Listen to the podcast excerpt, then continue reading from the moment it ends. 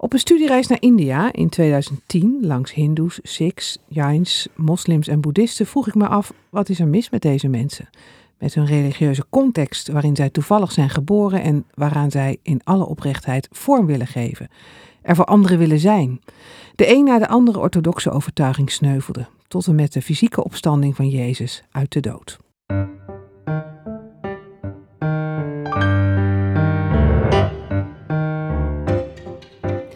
De Theologie-podcast gaat over wat vandaag speelt in kerk en theologie. De Theologie-podcast wil delen, inspireren en verdiepen. Ruim 30 jaar werkt Pauline Wezenman in de journalistiek, waarvan ruim 10 jaar ook in het hoger onderwijs. In 2022 verscheen van haar hand haar boek Ziel zoekt zin. Hoe verder als je geloof het niet meer doet? De aanleiding om met haar in gesprek te gaan. Hartelijk welkom, Pauline. Dankjewel. Ja, nog maar net verschenen eigenlijk je boek. Ja. En ik zie je overal. Ja. Blijkbaar raak je een snaar.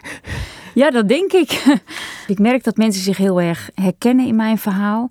En daarin, ja, misschien ook wel hoop ik dan iets van moed vinden om dat te uiten ook. Want er wordt zoveel alleen gezocht en, en gestunteld en getwijfeld. Hm. ja, dat, uh, ik, ik merk dat dat met name aanspreekt, maar ook kerken ook. Die, die ook nadenken, um, oprecht nadenken over wat kunnen we doen met deze groep. Ja, ja, want inderdaad, het boek is heel erg verbonden ook aan jouw eigen voorgeschiedenis, aan, jou, aan jouw persoonlijke verhaal. Kun je, kun je dat kort, kort even vertellen? Ja, dat is altijd lastig hè, over je eigen leven, maar waar kom je vandaan en hoe, kom je, hoe kwam jij uit op die zoekplek waar dit boek eigenlijk over gaat? Ik kom uit een uh, fundamentalistisch evangelisch milieu.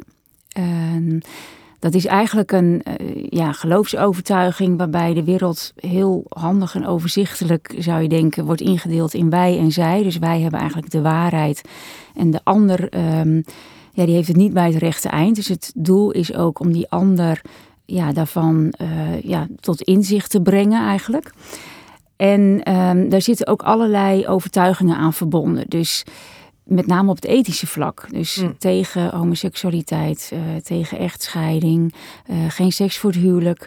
Um, en ja, bij dat soort uh, overtuigingen heb ik al wat eerder afscheid genomen. Van dat soort overtuigingen heb ik al wat eerder afscheid genomen. maar ja, toen ik op een gegeven moment um, overlijden meemaakte van mijn moeder en later ook van mijn man, ontdekte ik eigenlijk dat die overtuigingen mij helemaal niet hielpen. Maar dat die hulp eigenlijk zat in veel andere uh, bronnen. Maar die hele andere bronnen, die kwamen helemaal niet overeen met mijn opvoeding. Dus daardoor ging ik heel erg twijfelen aan mezelf. En twijfelen ja, aan mijn intuïtie ook. Uh, ik had ook geleerd dat je eigen intuïtie sowieso niet te vertrouwen is. En je eigen wil en je verlangen.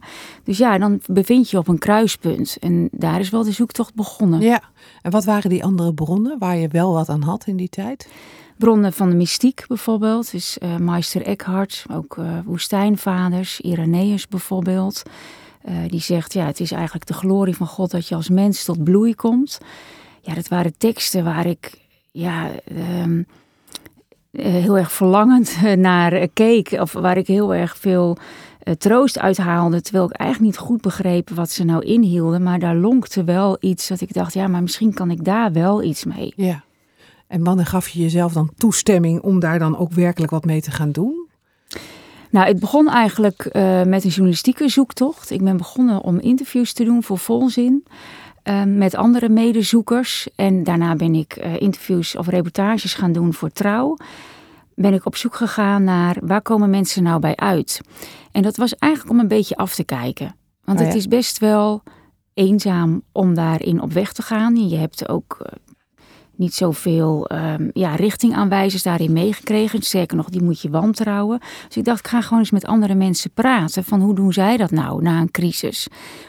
En um, ja, daar is eigenlijk dat boek uh, uit voortgekomen. Ja. En dat heeft mij geholpen, stukje bij beetje. Ook omdat ik op een gegeven moment zelf ook geïnterviewd werd. Dat had ik totaal niet verwacht.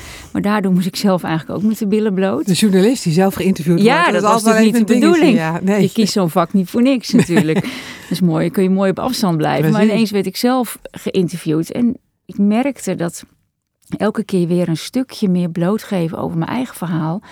En dat daar eigenlijk helemaal geen hemel naar beneden viel. Uh, maar dat daar juist heel veel steun door kwam en heel veel erkenning kwam. En mensen die blij waren dat je dat vertelt, dat me dat gewoon ruimte gaf en moed gaf om dat verhaal te vertellen. Ja, dus eigenlijk zou je kunnen zeggen dat je die zoektocht ook nodig had om zelf tevoorschijn te komen uiteindelijk. Dat zeg je heel mooi, ja. Ja, ja, ja. Nou, mooi dat dat gelukt is. Ja, nou, het blijft een, uh, een zoektocht. Het is hoor. nog gaande. Het is nog gaande. ja. ik zit echt nog in een, een heel proces ook van afscheid nemen. Uh, dat op een of andere manier een plaats geven. Mm. Um, ja, omgaan met, met mensen uit het verleden. Uh, dus dat blijft ingewikkeld. Het is nog niet klaar. Zeker niet. Nee. nee. Laten we eens kijken naar het boek. Het ligt hier. Het ziet er prachtig uit. Ziel zoekt zin. Lekker rood. Ja. Opvallend. Kan je iets zeggen over de mensen, de, zoekers in, in het boek? Waar komen ze over het algemeen vandaan? Is daar is een soort kader? Komen ze een beetje uit de hoek waar jij vandaan komt? Of, of hoe zou je dat kenschetsen? Ja, het zijn mensen die vooral uit de orthodox gelovige hoek komen. Zoals ik bijvoorbeeld uit de evangelische of pinksterkringen. Uh, uh, maar ook uit de reformatorische gemeente, gereformeerde hoek. Eigenlijk um, vooral kerken waar um, ja, het, bepaalde overtuigingen heel erg op de voorgrond staan. Hm. Maar ook uit de vrijzinnige hoek. Want uh, je kunt ook, er zit bijvoorbeeld één iemand ook in, Sikko Klaus, meditatieleraar, filosoof ook, een theoloog. En um, ja, die had een vrijzinnige opvoeding meegekregen, maar die begon daar ook weer aan te twijfelen. Ja, want als alles kan, hè, wat is dan nog waar? Of waar kan ik me dan eigenlijk aan vasthouden? Hmm. Dus het zijn allemaal mensen, en dat hebben ze echt met elkaar gemeen, die op een punt in hun leven komen waarbij het oude wat ze hebben meegekregen, het niet meer doet of niet meer werkt, wat hen niet meer van dienst is of wat ze ja, waar ze op dat moment voor staan. Ja, en dan was eigenlijk, dan komen ze bijna allemaal uit een redelijk omkaderd milieu, zou je kunnen zeggen, waar, waarin het vrij duidelijk was hoe, hoe je moest denken. Ja, en uh, dat was heel erg duidelijk, maar ook een hele gemeenschap die daaromheen zit. Dus ga daar maar eens uit, want dan verlies je ook die gemeenschap. Ja, het is niet alleen de overtuiging, maar het is ook eigenlijk je hele wereld dan. Klopt, je sociale ja. gemeenschap, uh, vaak ook de school, hè, of uh, bepaalde, zeker als je uit een zuil komt, mm -hmm. uh, reformatorische zuil of evangelische zuil, je werk, je woongemeenschap. Dus ja, als, dat, als er iets op de helling komt te staan, dan, ja, dan betekent dat veel meer dan eventjes een andere overtuiging aannemen of eventjes iets anders gaan doen. Nee, en daar past dan ook wel bij wat jij net nog zei toen ik enigszins suggereerde dat het proces afgerond was, dat je zei, nou ja, nee, dat is echt niet zo. Want dat, dat kost dus heel veel tijd. Dat kost heel veel tijd en dat is ook iets wat deze groep kenmerkt. Het zijn allemaal zoekers en ook allemaal zwervers. En sommige, um, ja, het lijkt soms wel op dat mensen daar uit deze hoek daar ook wat prat op gaan. Ze zijn heel erg bang om bestempeld weer te worden als de christen die alles weet. Um, of de, degene die de waarheid in pacht heeft, want daar zijn ze natuurlijk wars van. Dus mhm. alles wat riekt naar regeltjes of dogma, uh, dogma's of uh, uitsluiting, daar zijn ze allemaal wars van. Dus het zijn um, ja, reisgenoten, noemt de PKN het ook wel. Dat vind ik wel een mooie term. Het zijn allemaal zoekers. En misschien wel mensen die niet eens per se ergens hoeven aan te komen. Nee, want dat klinkt ook bijna alsof je echt weer committeren aan iets anders, dat dat bijna onmogelijk is geworden. Ja, er zit een grote allergie ook. En ook, een, ook veel beschadiging ook hoor. Veel mensen die zijn beschadigd door um, kerkleiders, um, mensen um, ja, van hun jeugd. en die daar, ja, die dat heel lastig vinden om daar uh, mee om te gaan. Ja, dus dat is. Uh, ik ben heel even de vraag kwijt. Nou ja, dat mensen zich niet opnieuw durven te committeren aan iets nieuws. Ja, want dat. Um, ja, dat riekt dan weer naar bepaalde zekerheden. En daar hebben ze juist afscheid van genomen. Ja. Je schrijft ook uh, in, in, in de terugblik in het boek, want het zijn niet alleen de verslagen van de verschillende mensen en de gesprekken, maar ook analyses zitten erin en essays uh, van jezelf en ook van anderen dat je schrijft iets wat opvalt, is hoe het bij vrijwel iedereen begint te schuiven wanneer de geloofsleer wringt met de realiteit. Maar het uiteindelijke gevecht, het hart van de crisis, speelt zich af op het persoonlijke vlak. Wat, wat, wat is dat dan? Dat blijkbaar is, is die geloofsleer dat kan wringen met de realiteit, maar als het persoonlijk wordt, dan, dan, dan kan het niet meer of dan lukt het niet meer. Ja, is heel interessant dat je dat, uh, dat je dat is opgevallen. Want dat is precies wat er gebeurt. Dus je krijgt bepaalde overtuigingen mee. Neem eventjes over homoseksualiteit.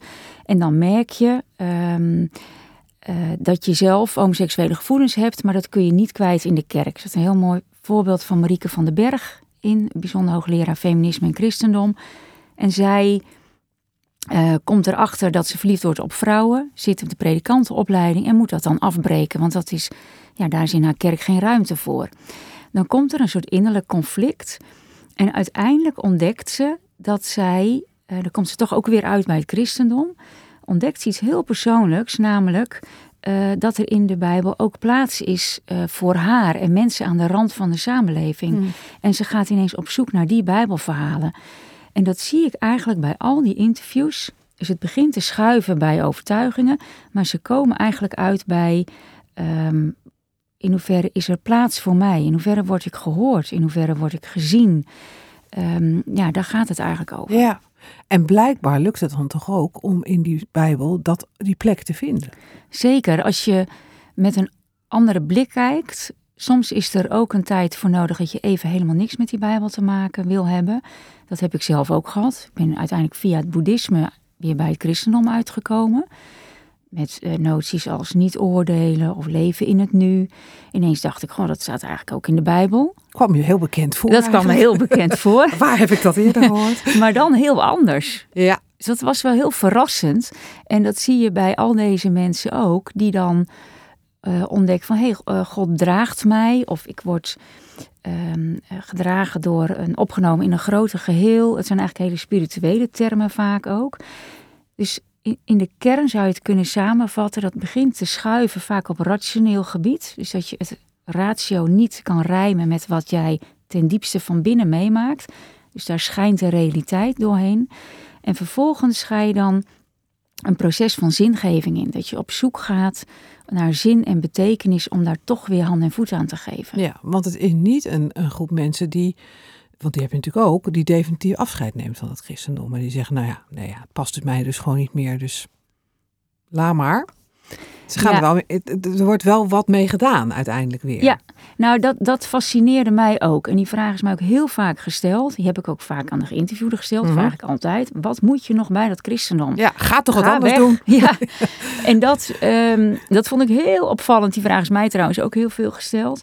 Ik denk dat... Um, er daar iets heel waar en echts toch ook is gebeurd vroeger. In, ja, het zijn allemaal mensen die een hele intieme relatie hebben gehad met God of het goddelijke, of zich heel erg thuis voelden in een gemeente. En daar gaat dan. Um, uh, en en dat, die ervaring die draag je met je mee. Dat zijn dingen die ik voor mezelf ook nog heel lastig rond kan krijgen. Mm. En misschien ook, zijn die ook niet rond te krijgen. Maar uh, Johan Roeland, van de Vrije Universiteit, met wie ik heel veel heb samengewerkt. Cultureel ook met het boek, ja. Cultureel antropoloog, ja. inderdaad, theoloog. Die zegt ook, het is eigenlijk uh, hondologie. Het, het, het, is bijna alsof God blijft rondspoken in je leven. Je hebt iets ervaren wat heel waar en echt is. En daar, dat raak je gewoon niet meer kwijt. Daar wil je toch op een of andere manier bij blijven. Hmm. En dat maakt het juist zo ingewikkeld. Als je van het geloof afstapt, ja, dan heb je ook genoeg uh, trauma's te verwerken. Maar als je weer opnieuw dat wiel wil uitvinden met het christendom, dan wordt, het, ja, dan wordt dat heel lastig. Want dan zeg je eigenlijk, je hebt dus ervaringen van, van God op de een of andere manier, mm -hmm. uh, die zo echt zijn dat je ze niet af wil serveren. En tegelijkertijd moet je zoeken naar een nieuwe manier om ze te begrijpen of ze te kunnen plaatsen. Is dat het? Ja, omdat, je, omdat die oude mal niet meer past. Ja.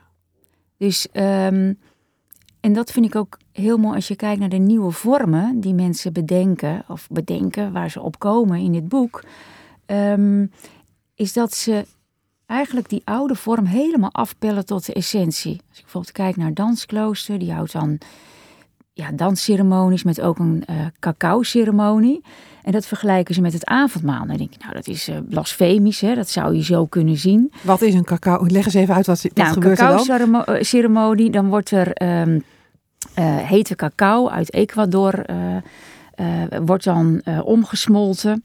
En dan um, ja, dat, dat geeft een hele sterke geur af. Het, heeft ook iets heel uh, verkwikkends. Je kunt er ook behoorlijk uh, high van worden als je te veel van neemt. Um, maar dat wordt dan in een kring wordt dat uitgedeeld. Dus er worden steeds slokjes dan gedronken uit die uh, cacaobeker. En um, daarbij kun je ja, ritueel, rituele woorden uitspreken. Um, en die deel je dan ook met elkaar. Mm. Nou, zij vergelijken dat met het avondmaal. Ze zeggen, ja, met het avondmaal, met brood en wijn, ja, dan wordt ook gedeeld. Hè? En, en dan deel je ook het meest intieme eigenlijk met elkaar. En, en er is ook een grote gemeenschappelijke deler. Dus dat vind ik heel leuk. Dat zie je steeds in al die nieuwe vormen. Het wordt helemaal afgepeld tot de essentie. En van daaruit ontstaat dan een nieuwe vorm. Mm. En daarvoor ga je dus helemaal terug naar het begin. En van daaruit ontstaat een nieuwe vorm. En dat is natuurlijk waar heel veel kerken tegenaan lopen. Ja, mag dat wel? Want we hebben geen liturgie voor, of er is niks voor. Of, nee. ja. Het gaat heel ver boven, uit boven wat we gewend zijn. Maar ja. eigenlijk zeg je wel, die kern die blijft dus belangrijk. Juist. Het is niet het afscheid nemen daarvan, maar wel zoeken naar hoe moet je daar dan een vorm bij vinden. Ja, de kern wordt eigenlijk uh, juist ontdekt. Ja, en belangrijker ja. daardoor. Ja. ja. Nou heb je heel veel mensen gesproken uh, in dit boek.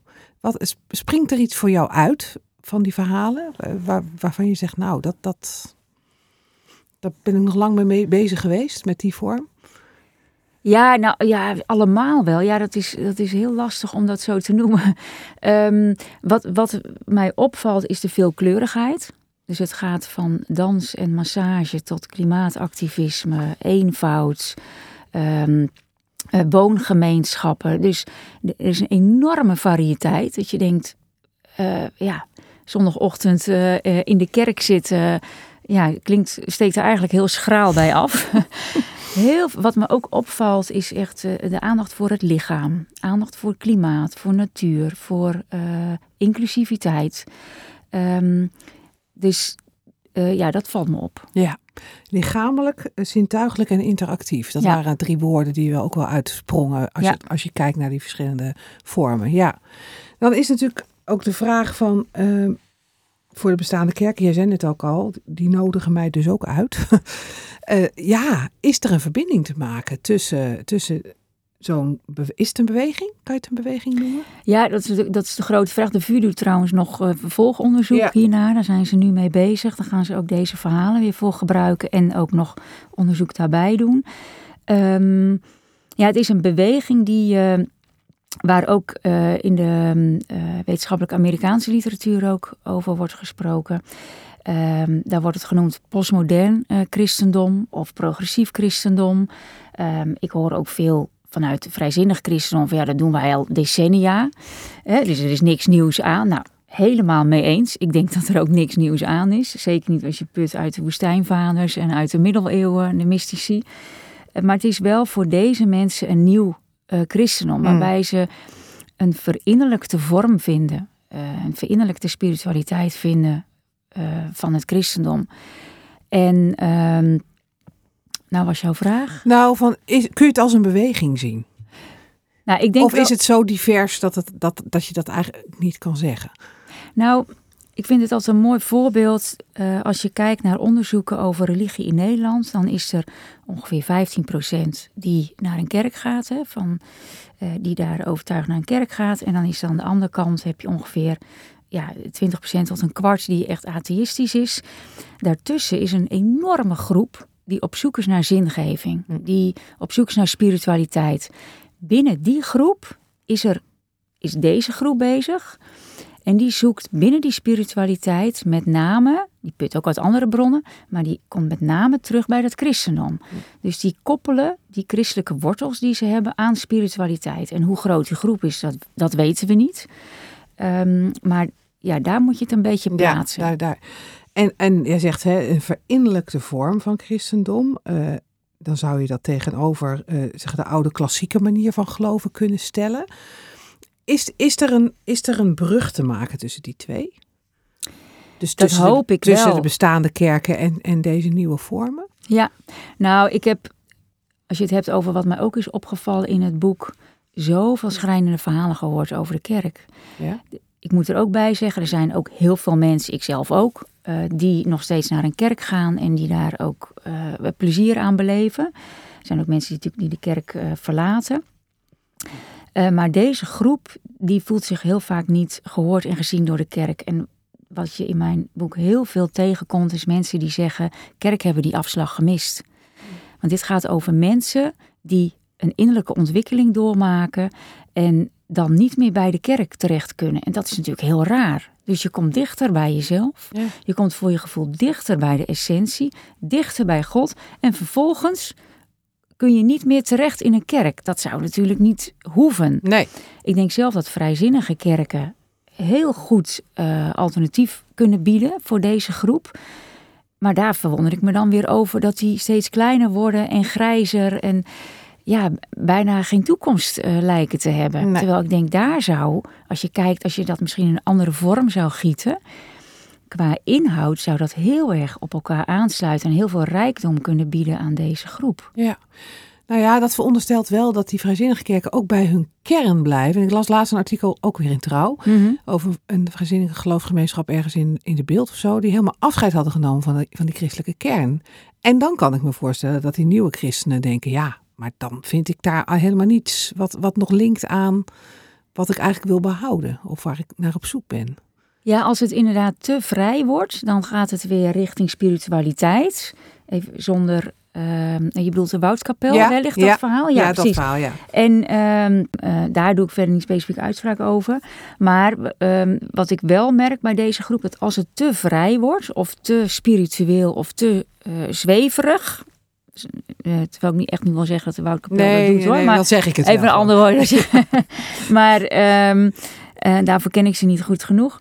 Maar als het te vrij wordt dan verliest het weer dat ware en dat echte wat ze ooit hebben gevoeld in het christendom. Ja. En daar willen ze op een of andere manier toch mee gelinkt blijven. En dat is ook wat bijvoorbeeld een Rico Volberg zegt, die ik ook heb geïnterviewd van de Pop-up Kerk. Die zegt ook dat christendom is zo rijk, daar kan ik nog, ja, daar kan ik voorlopig nog wel mee vooruit. In wat je daar allemaal ja. je ziet, een enorme schatkist. Ja, dus die, die, die schatkist moet niet dicht. Je moet, Zeker je moet die niet. schatkist open houden en tegelijk Ja. moet die ruimte er komen. En Ja. jij zei ook van heel veel mensen zijn ook eh, teleurgesteld in de kerk en misschien zelfs nog meer dan dat, ook wel gewond geraakt. Is, heb jij daar, kan je dat verklaren waarom dat, dat zo mis is gegaan? Tussen deze mensen die zo zoeken naar een verinnerlijking en, en, en een geloofsgemeenschap die dat dan blijkbaar niet ja, kan, Ja. Kan, kan begrijpen of kan volgen. Ja, er staan een aantal eh, voorbeelden in het boek, ook onder andere in het essay van Joris Verkammen, emeritus uh, aartsbisschop van de Oude Katholieke Ja. Kerk, Ja. die zelf ook daar behoorlijk mee eh, eh, ja, geworsteld heeft, ook persoonlijk. Ehm, wat je ziet in die verhalen is dat op een gegeven moment komen er regels voor op te staan. Ehm, het instituut komt voor op te staan. En het is soms te veel gericht ehm, op het behoud van de kerk eh, en op de mensen die er zijn. eh, die ook vaak eh, de dienst ehm, eh, willen uitmaken. En daardoor stoot je mensen af die ja, daar gewoon alle openheid geïnspireerd willen raken. Wat ik heel erg veel heb gehoord, is dat mensen zeggen: Wat ik hoor in de kerk gaat niet meer over mij. Dus je zit daar hè, op zondagochtend in de kerk. Dus echt wel, je gaat echt niet zomaar een kerk uit. Dat zijn echt niet mensen die zomaar denken: Nou, weet je, laat maar zitten. Mm. Eh, dat is een enorm proces van eh, eh, afscheid nemen, worstelen met loyaliteit, met herinneringen van vroeger.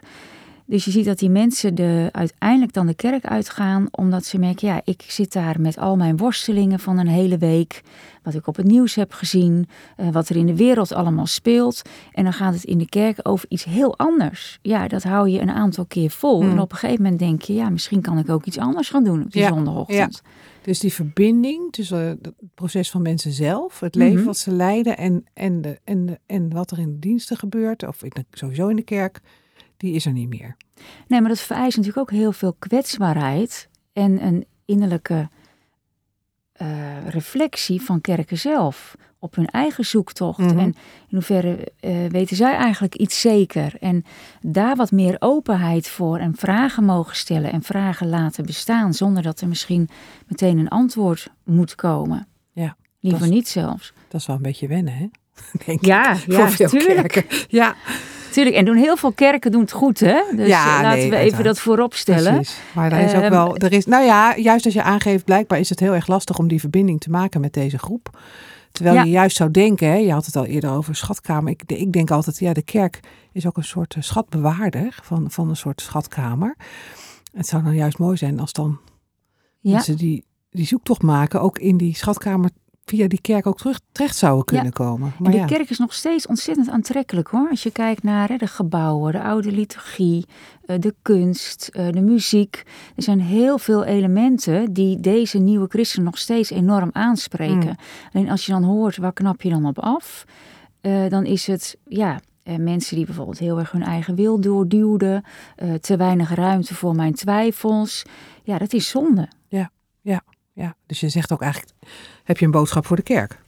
Van eh, realiseer je wat je eigenlijk allemaal in de aanbieding hebt en ga er, wat, ga er eens wat beter mee om. Ja, nou, Frans Kronen, een, ehm, een cultuurfilosoof die ik ook heb gesproken, die, die zegt ook, ja, kerken zouden hier juist eh, onderdak aan moeten bieden. Ehm, en ze hebben eigenlijk het eh, kind met badwater weggegooid door te weinig ruimte te geven aan die innerlijke ontwikkeling. Ja. En dat is gewoon ontzettend jammer. Ja, Dus je zou kunnen kijken van, in plaats van iemand gaat het padje af. Goh, ik zie dat die persoon meer tot bloei komt. Wat gebeurt daar? Laten we eens gaan kijken wat daar gebeurt. Want daar is God misschien wel eh, juist aan het werk. En Mhm. kunnen wij daar iets mee? Ja, dat is een hele andere houding. Jij eh, haalde theoloog en antropoloog Johan Roeland ook al aan. En hij, schrijft, hij heeft een mooi essay geschreven. Hij schrijft onder andere ook, vind ik ook nog een interessant punt. Wat ik lastig vind, is dat deze vaak hoogopgeleiden hun bubbel blijven opzoeken. De kerk is een van de weinige plekken waar boer, arbeider en professor naast elkaar zitten. Dat is in onze zwaar gepolariseerde samenleving hard nodig. En dit soort mensen krijgt polarisatie moeilijk opgelost, zegt hij vervolgens. Ehm, juist als mensen in hun eigen bubbel blijven eh, en, en- en zich dus niet verbinden aan zo'n kerkgemeenschap, ja, is die polarisatie ook eh, niet op te lossen. Nou is het natuurlijk de vraag, moet de nieuwe christen dan die polarisatie oplossen? Maar is dat niet ook een gevaar dat je een beetje weer een eigen, ja, een eigen wereld krijgt waarin mensen zich dan Ja. ophouden? Ja, dat, dat is zeker een gevaar. En ik moet het wel bij zeggen dat de mensen die ik natuurlijk heb gesproken, dat zijn mensen die er enorm goed over hebben nagedacht, die er ook vaak over hebben geschreven, voor hebben gestudeerd. Dus dan zit je ook al gauw inderdaad in het hoogopgeleide eh, Segment. segment. Ja. Ehm, maar eh, het is absoluut niet zo dat ze alleen maar gericht zijn eh, op zichzelf. Ik zie juist heel veel betrokkenheid. Er zit ook een ehm, project in voor maatjes, ehm, waarbij je wereld juist verruimt. Ehm, er is, eh, eh, zijn twee jongens die ja, meer, eh, of die elke week een maatje zijn van een verstandelijk eh, gehandicapte jongen. En die ehm, dat zien als hun kerk. Ze zien hem meer dan hun eigen vrienden eigenlijk. Ehm, en dat, dat vind ik ook wel interessant, maar er is echt het gevaar, en dat is ook wat de VU verder wil onderzoeken. In hoeverre is hier ook sprake van een bepaalde eh, klasse. Ik sprak toevallig van de week een eh, lezer die zich heel erg herkende in het boek, maar precies hier ook over viel. Die zei, hey, is dat eh, niet vooral hoog opgeleid? En hoe zit het met ehm, eh, eh, de ja, wat meer praktisch opgeleide? Kunnen die hier ook wat mee? Nou, ja. ik hoop hen natuurlijk ook te inspireren. En wat ik heel erg leuk vond, ik heb natuurlijk bij de boekpresentatie een proeverij georganiseerd met allemaal workshops. Ja. Mensen die daar kwamen. En wat erop afkwam was heel divers. Hm. Echt uit allerlei kerken en eh, uit allerlei hoeken en gaten van de samenleving. Dus dat niet vond ik ook niet wel... alleen maar de hoogopgeleide Nee, nee, nee. zoekers, maar ook mensen die eh, andere, eh, op andere plekken in de samenleving Ja, zitten. Ja, ja. Zeker. En die hebben ook behoefte aan een community. Ja, ja. Andere vraag is natuurlijk ook, ehm, maar misschien is dat wel eigenlijk, dacht ik later, een hele binnenkerkelijke vraag van, als, als die openheid zoveel groter wordt, hè, als, als de, de, wat er te ontdekken wordt zoveel groter wordt, wat is dan uiteindelijk nog leidend in je zoektocht? Hoe is dat bij jou persoonlijk geweest? Van, hey, jij noemde al even het boeddhisme, dat je via het boeddhisme uiteindelijk weer ter- terugkwam bij het christendom. Ehm, hoe heb je dat zelf ervaren? Wat, wat eh, heb je dat zelf ontdekt? Van, van ja, hoe groot is die wereld? En waar zit er, zit er ook ergens een grens aan die wereld die ik aan het onderzoeken ben? Ja, en dan bedoel je qua ehm, Ja, wat is dan nog christendom? Wat is geen christendom? Kun je daar... Ja, nou, christendom interpreteer ik zelf heel erg breed.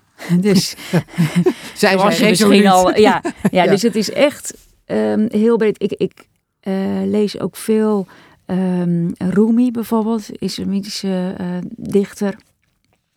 Um, boeddhistische verhalen. En um, ja, het is zeker niet een soort anoniem christendom of zo. Hè? Dus dat je uh, via de band uiteindelijk toch weer bij het christendom dan uh, uitkomt. Of dat zo benoemt. Dus ik wil ook alle uh, culturen en religies in hun eigenheid ook wel echt zien. Maar wat mm. ik daar in elk geval uithaal. Um, ja, noties als um, inclusiviteit, heel belangrijk. Um, ja, toch ook een, een daadkracht om op te staan tegen uh, onrecht in de wereld. Um, tegen ja, hoe wij omgaan met de aarde. Uh, uh, hoe wij omgaan met onze medemensen die, die anders denken. Hoe je omgaat met jezelf. Mildheid naar jezelf toe. Daar vind ik heel erg inspiratie in, in het christendom, in de verhalen. Die ik natuurlijk al door en door ken. Maar die ja. ik nu eigenlijk weer opnieuw lees met die hele andere bril. Mm. En dat doen anderen weer vanuit uh, boeddhisme of islam. Allemaal prima. Um, maar da daar zitten wel wat gemene delers in. En wat het dan christelijk maakt, zijn waarschijnlijk toch de christelijke verhalen, de symboliek, de rituelen, die ik nog steeds prachtig vind. Uh, ik zit zelf in een oud-katholieke kerk, dus uh, het brood en wijn, het knielen, de, de, geuren, de wierook. Dat zijn allemaal zintuigelijke elementen waar ik enorm van, van geniet. Dan, ja. dan heb ik gewoon ja, als westeling wat minder met uh, uh, Aziatische rituelen. Want daar kom ik gewoon niet vandaan. Nee.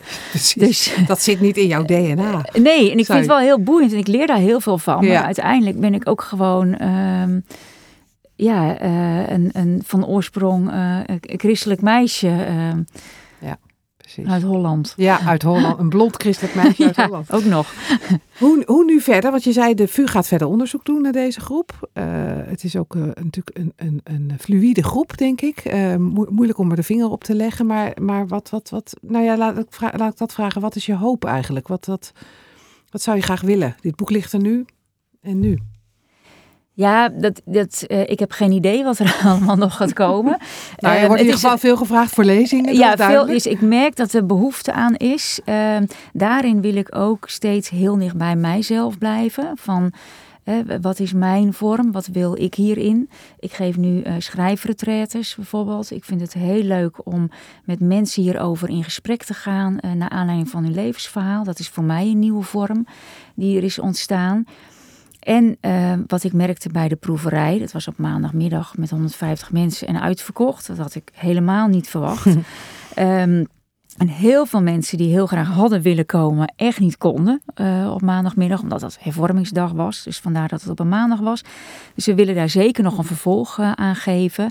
Want er is enorm behoefte, niet alleen aan nieuwe vormen, maar ook om elkaar te ontmoeten. Mm. Er is enorm, dat is de kracht die ik heb ervaren tijdens die proeverij, die mij echt verbaasd heeft en verrast heeft en mijzelf ook enorm gesteund heeft, is dat je al die mensen bij elkaar hebt, al die gelijkgestemden die ook op zoek zijn en ook in die christelijke wortels zitten te neuzen. En dat geeft gewoon heel veel, uh, ja, de, de kracht van het wat grotere aantal in plaats van dat hele versnipperde. En als het op een of andere manier bij elkaar kan komen, ofwel door mij of door iemand anders, dan zou ik daar echt heel blij mee zijn dat mensen weer een spiritueel thuis vinden. Ja, want dat is ook belangrijk. Ja, ja. Dat je het niet in je eentje allemaal hoeft ja. uit te zoeken. Nou, dat wens ik je dan ook toe. Dankjewel, Pauline Wezenman, voor dit gesprek over jouw boek Ziel zoekt zin. Uh, te krijgen bij uh, de boekhandel of uh, online. Dank. Ja, graag gedaan. En uh, als u nou of jij nou meer wil lezen over dat nieuwe christendom, ga dan eens even naar de themapagina www.theologie.nl slash zielzoektzin. En op die pagina hebben we een groot aantal actuele artikelen over dit thema, thema bij elkaar geplaatst. En deze podcast is onderdeel van het platform theologie.nl. Daarop staan theologische blogs, honderden artikelen, recensies. En die staan allemaal voor jou klaar om te lezen. En je kunt uh, gratis een maand lang daar gebruik van maken. Ga naar de site, kies lid worden en gebruik dan de code podcast tijdens je bestelling.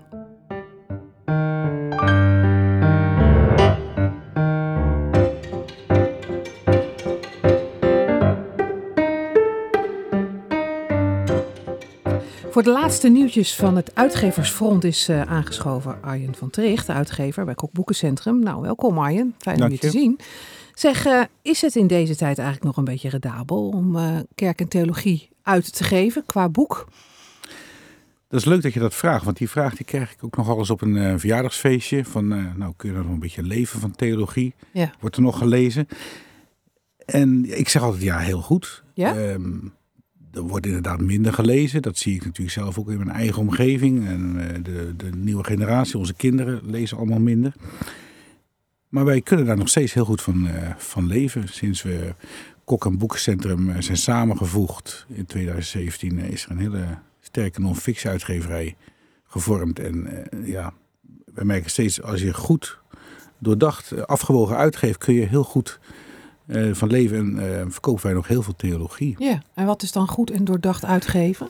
Ja, dat is een goede vraag. um, um, je ziet dat ook in het theologenland, uh, zoals dat je ziet op YouTube en allerlei andere social kanalen, er zijn influencers. Die hebben je in theologenland ook. En het is Oh, wel heel belangrijk dat een auteur een, een goede naam heeft, Ja. een positie heeft, gezag heeft. En, ehm, dat, Een Stefan Paas, zeg maar. ja, Arnold Huigen hebben we. eh, Kees van Ekeris, zijn boek dit jaar is eh, heel goed verkocht. Maar daarnaast, en dat vind ik altijd wel heel frappant. We hebben ook bijvoorbeeld Daniel de Walen voor het eerst op de markt gebracht. Dat is een Vlaamse theoloog. Ja, ook hier in de podcast geweest. Ja, ook in een podcast geweest. En nou, zijn boeken doen het ook heel goed. Dus het is niet eh, een wet van mede en pers en van de auteur moet bekend zijn. Nee.